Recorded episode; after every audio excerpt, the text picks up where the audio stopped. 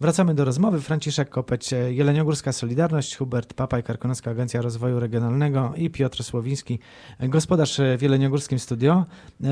Panie Przewodniczący, COVID spowodował różne zawirowania na rynku, ale czy na przykład zatrzymał wasze spory zbiorowe, bo tych w regionie kilka mieliśmy? Czy one się zostały zawieszone na czas wojny z chorobą? Znaczy nie zostały zawieszone.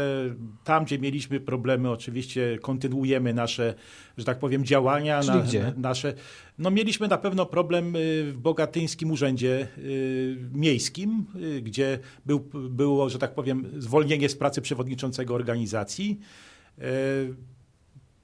Wydaje się, że po zmianie pana burmistrza uda nam się ten problem rozwiązać na zasadzie ugody, porozumienia. Bo tutaj tło nie było ekonomiczne. Nie, nie było tło ekonomiczne. Kolejny duży problem to Kastorama oczywiście. Tutaj to jest jakby problem ogólnopolski. Tam też mieliśmy, można powiedzieć, że tak powiem, szykanowanie działaczy związkowych. Całą komisję zakładową, czyli tą władzę zakładowej organizacji związkowej zwolniono z pracy za działalność związkową toczymy. tu te... znów niekoniecznie podłoże ekonomiczne. Też nie, nie, właśnie tak jest, to nie było podłoże ekonomiczne. Główny problem to była kwestia działalności, że tak powiem, związkowej i podejścia do tego zarządu y, firmy, tak, instytucji, przedsiębiorstwa. I zmuszeni byliśmy, że tak powiem, uruchomić tutaj działania również w, w obszarze sądów. Protestacyjne były wcześniej, jak pamiętamy, przed, jeszcze przed pandemią.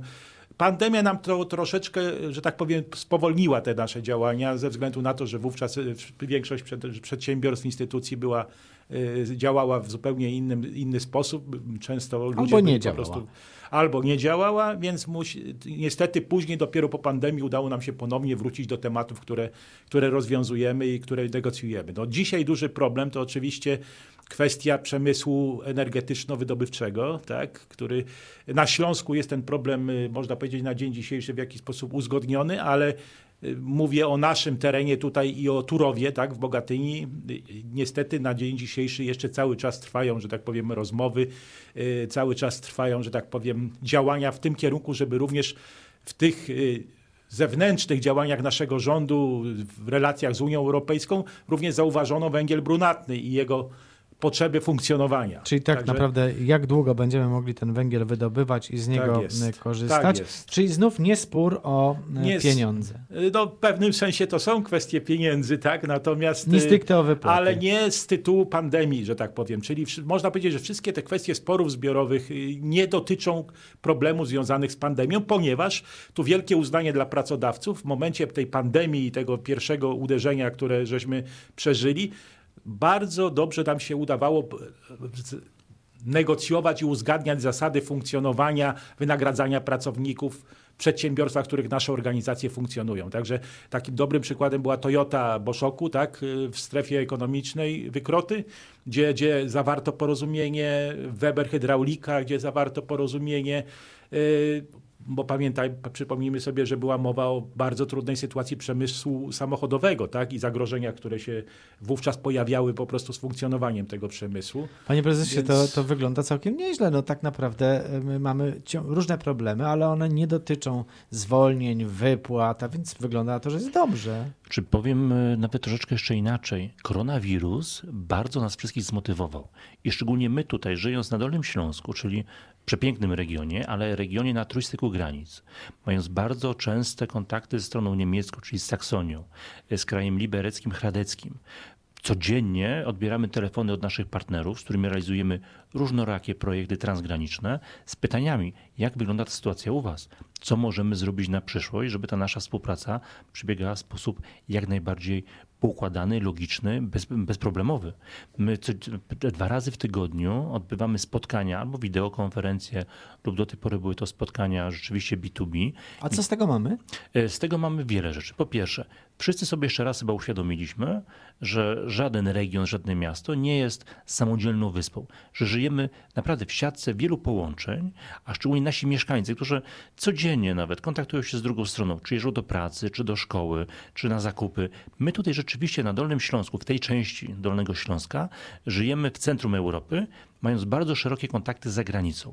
I ta sytuacja z koronawirusem uświadomiła nam, że w przypadku zamknięcia czy też utrudnienia w przekraczaniu granicach, nagle stajemy przed ścianą i nie, nie byliśmy przygotowani do sytuacji wcześniej. Dzisiaj zaczynamy się zastanawiać, co zrobić, żeby temu zapobiec, jakie uregulowania, może nawet prawne, na poziomie rządowym, powinny mieć miejsce, żeby w przypadku utrudnień w przekraczaniu granic ta granica nie była taką żelazną granicą, jak pamiętamy to z kart historii, żeby ludzie mogli dalej funkcjonować, pracować, uczyć się, przekraczać granice, a nam, mówię tutaj o Karkonoskiej Agencji, pokazuje że rzeczywiście, jak cenne są te wszystkie kontakty, które już mieliśmy nawiązane i jak ważne jest wsparcie też z Unii Europejskiej, tych projektów transgranicznych, żeby jak najbardziej jeszcze integrować społeczeństwa, ale też gospodarkę. Bo proszę sobie uświadomić, że ogromna rzesza drobnych, lokalnych przedsiębiorców z Dolnego Śląska y, na co dzień współpracuje, kooperuje z partnerami po drugiej stronie granicy i dla nich ta sytuacja z koronawirusem była potężnym zaskoczeniem, ale też zagrożeniem. Na szczęście udało się, z tego co wiemy, w większości wybrnąć z tego problemu, ale już dzisiaj musimy się zastanowić, jak temu zapobiec na przyszłość. To były y, rzeczywiście ciekawe doświadczenia, kiedy po horyzont stały ciężarówki na granicy. Ja tam byłem i zastanawiałem się, ile tego musimy przywieźć do Polski, żeby wszystko działało. I rzeczywiście e, za chwilę by się okazało, że w osiedlowym sklepie czegoś nie ma, bo, bo, bo stoi na granicy, więc to, e, to było doświadczenie dość mocne, takie e, zapamiętałem, ale jednocześnie E, też widzieliśmy pomysły na to, jak można przekraczać tę granicę, że przedsiębiorca może, że jak się umówił z kolegą, kontrahentem po drugiej stronie, to właściwie już go te ograniczenia nie obejmują i tak dalej, i tak dalej. A więc to e, no trochę czasu zajęło, ale jednak wypracowaliśmy. To dość szybko w ogóle wszyscy reagujemy, i pracodawcy, i pracownicy na te zmiany. Za chwilę będziemy e, słuchać tego, co powie pan e, Dariusz Darasz, e, prezes Karkonoskiego Systemu Wodociągów i Kanalizacji, o pracownikach i o tym, jak jemu się funkcjonuje. To jest firma działająca w kilku karkonoskich gminach.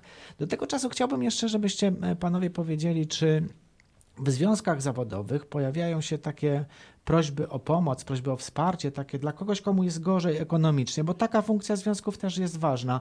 Przychodzą do Was i mówią, słuchajcie, tamtym ludziom się pogorszyło z powodu koronawirusa. Są takie sytuacje, Panie Przewodniczący? Y, z, ze względu na koronawirus nie. Y, nie mamy takich sytuacji, ponieważ no, po prostu ale w związku cały czas funkcjonują tego typu jakby metody wsparcia po prostu, jeżeli coś się... To jest rodzaj samopomocy. Powiedzmy sobie szczerze, że związek właśnie jest rodzajem samopomocy i wzajemnego wsparcia się, więc jeżeli mamy ludzi, którzy znaleźli się w bardzo trudnej sytuacji z różnych przyczyn, czy to kwestie pożaru, czy to kwestie chorób, czy innych rzeczy, to z naszej strony oczywiście, a głównie ze strony organizacji zakładowych, które, które obejmują daną osobę swoim działaniem, idzie pomoc, idzie wsparcie, czasami również finansowe.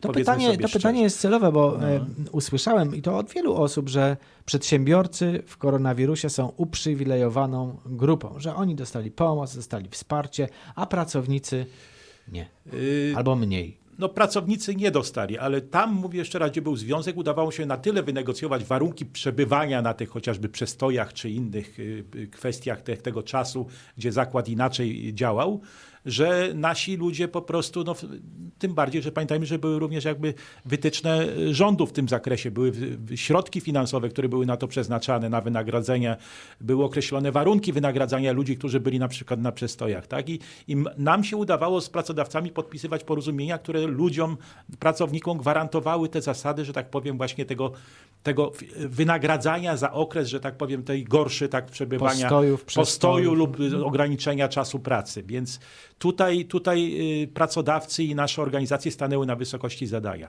A propos jeszcze pracowników, jeżeli można, to chcę powiedzieć, że takim w cudzysłowie buforem niestety dla nas w tym okresie no byli pracownicy wynajmowani przez zakłady pracy, często i przez instytucje, mówię o pracownikach zagranicznych. I wówczas y, przed, praktycznie w pierwszym rzędzie niestety, bo, bo każdego pracownika szkoda, niestety w dużym stopniu ci ludzie by rezygnowali, pracodawcy rezygnowali z umów, które, które gwarantowały im, że tak powiem, obecność tych pracowników i wykonywanie obowiązków. Więc dzięki temu, w cudzysłowie, no, yy, przypuszczam, że myśmy nie zaobserwowali takiego pędu do wyrzucania ludzi z pracy czy zwalniania ludzi z pracy z tytułu właśnie tego COVID-u, tak, z tytułu pandemii. Stan pandemii, stan zagrożenia epidemiologicznego spowodował w większości wywiązanie się, czy nawiązanie się takiej wzajemnej ludzkiej solidarności, można powiedzieć. My mamy bardzo dużo przykładów przedsiębiorstw, pracodawców, którzy robili wszystko, żeby utrzymać zatrudnienie. Oczywiście czasem kosztem części wynagrodzenia, kwestii postojowych, ale przede wszystkim chcieli utrzymać zatrudnienia i chcieli pokazać też tym ludziom, że no, myślą o nich w dłuższej perspektywie. W Karkonoskiej Agencji podobnie działaliśmy. Też oczywiście występowaliśmy o pomoc do państwa. Bo też jesteście pracodawcą. Tak, chociaż niestety jesteśmy poczytywani jako ten największy pracodawca, bo jesteśmy powiązani kapitałowo z całym samorządem Dolnego Śląska i tutaj wpadliśmy w tą grupę tak jak, nie wiem, PKN Orlen czy KGHM, także mieliśmy ograniczone możliwości, ale mimo wszystko skorzystaliśmy z pomocy, jeżeli chodzi o kwestie ZUS-owskie, mówiąc w skrócie.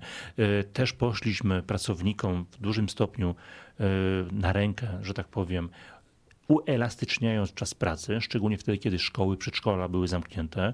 Duża część osób, pracowników pracowało w trybie zdalnym i to też nam pokazało, że nawet kiedy ten koronawirus, mam nadzieję, szybko minie, że taka forma pracy ma też przyszłość, czyli nie zawsze te 8 godzin pracownik musi być w miejscu pracy.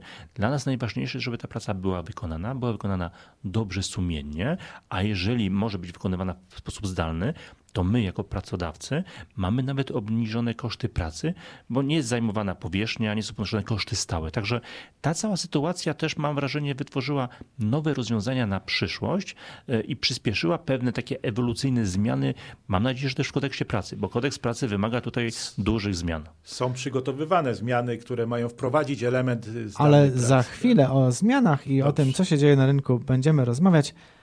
Kilka minut przerwy i wrócimy do rozmowy.